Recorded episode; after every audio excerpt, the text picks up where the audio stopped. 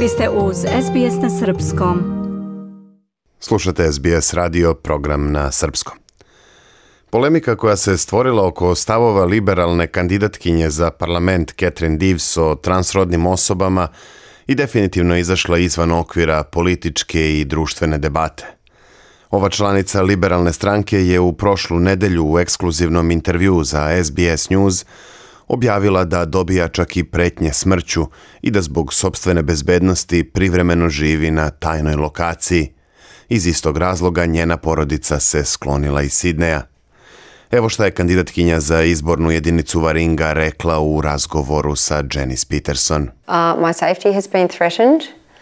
Um, my family are away out of Sydney. Moja bezbednost je uh, ugrožena, porodica mi je izvan Sidne jer ne želim da budu svedoci svega kroz šta prolazim, niti želim da njihova bezbednost bude ugrožena. Australijska savezna policija za sada nije potvrdila da li se pretnje upućene Catherine Dives istražuju. Prema njenim rečima, ona je pretnje prijavila policiji Novog Južnog Velsa i njene žalbe su dalje prosleđene afp e u Kandidatkinja liberalne stranke se javno izvinila zbog svojih sada već izbrisanih postova na društvenim mrežama. Ona je naime objavila komentare o lobiranju da se transrodnim sportistima ne dozvoli učešće u ženskom sportu. Ona je to suprotstavljanje uporedila sa ustajanjem protiv nacista tokom holokausta.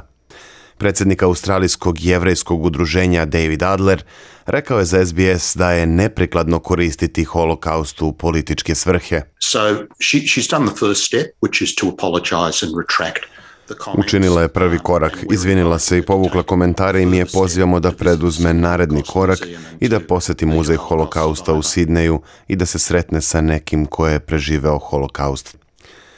Catherine Divs je bila lični izbor premijera Morrisona prilikom odlučivanja koji će kandidati predstavljati liberale u određenom broju izbornih jedinica u Novom Južnom Velsu. I sam taj proces doveo je do nesuglasica i podela unutar liberalne stranke, pa je slučaj čak završio i na sudu. Takođe, je nezavisna kandidatkinja Zali Stegal, inače direktna politička suparnica Catherine Divs u sedištu Varinga, optužila je premijera za stvaranje podela i to ne samo unutar svoje stranke. And so this issue I put squarely again ovo pitanje ponovo stavljam pravo pred Scotta Morrisona. Ovo je politička podela i ovo je gadna politika iz nekih skrivenih motiva i Morrison bi trebalo da povuče podršku ovoj kandidatkinji, rekla je Stegal.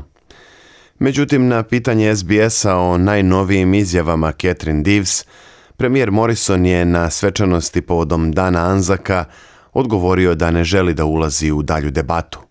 On je tokom vikenda izjavio da je gospođa Divs prepoznala potrebu za osjećajnijim pristupom pojedinim pitanjima, ali je i podržao njeno pravo da izrazi svoje stavove. S druge strane, bivši premijer Malcolm Turnbull smatra da su komentari Divsove potpuno neprihvatljivi. whip up Ti komentari mržnje su izgleda bili osmišljeni da podstaknu animozitet i mržnju protiv nekih od najugroženijih ljudi u našoj zajednici. To je potpuno neprihvatljivo i u potpunosti se slažem s onim što je Matt Kin rekao o tome, a to je da ona nije ni trebalo da bude podržana kao kandidatkinja, ali ona je izbor Scotta Morrisona, a članovi liberalne partije u Novom Južnom Velsu nemaju nikakvog uticaja na predizbor kandidata, što ste možda primetili u poslednje vreme, svi su u rukama Morrisona. Morrisona. Zajednica transrodnih osoba se oglasila kada ih je Catherine Dives opisala kao hirurški unakažene i sterilisane, što je dovelo i do većih stranačkih i javnih kritika od komentara o učešću transrodnih osoba u ženskom sportu.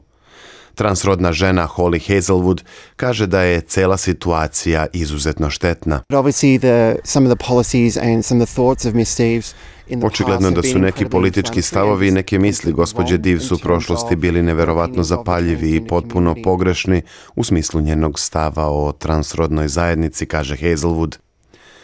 Povodom pretnji upućenih Catherine Divs oglasio se i zamenik lidera laburista Richard Miles, koji kaže da bilo čija bezbednost ne bi trebalo da bude ugrožena. Well, uh, let me firstly say, uh, no one who is in public Niko ko je u javnom životu ne treba da trpi pretnje smrću. One su potpuno neprihvatljive, kaže Miles. Kako pišu Stefani Korseti i Šuba Krišnan iz informativne redakcije SBS-a, za sada ni iz federalne policije, ni iz policije Novog Južnog Velsa nema zvaničnih potvrda o istrazi. Poznato je da u okviru EFP-a postoji zasebna radna grupa koja blisko sarađuje na krivičnim delima vezanim za izbore, uključujući tu i pretnje poslanicima i kandidatima. Vi slušate SBS radio. Ja sam Branko Cvetojević. Ostanite uz nas. Dajte like, podelite, komentarišite. Pratite SBS Serbian Facebook profil.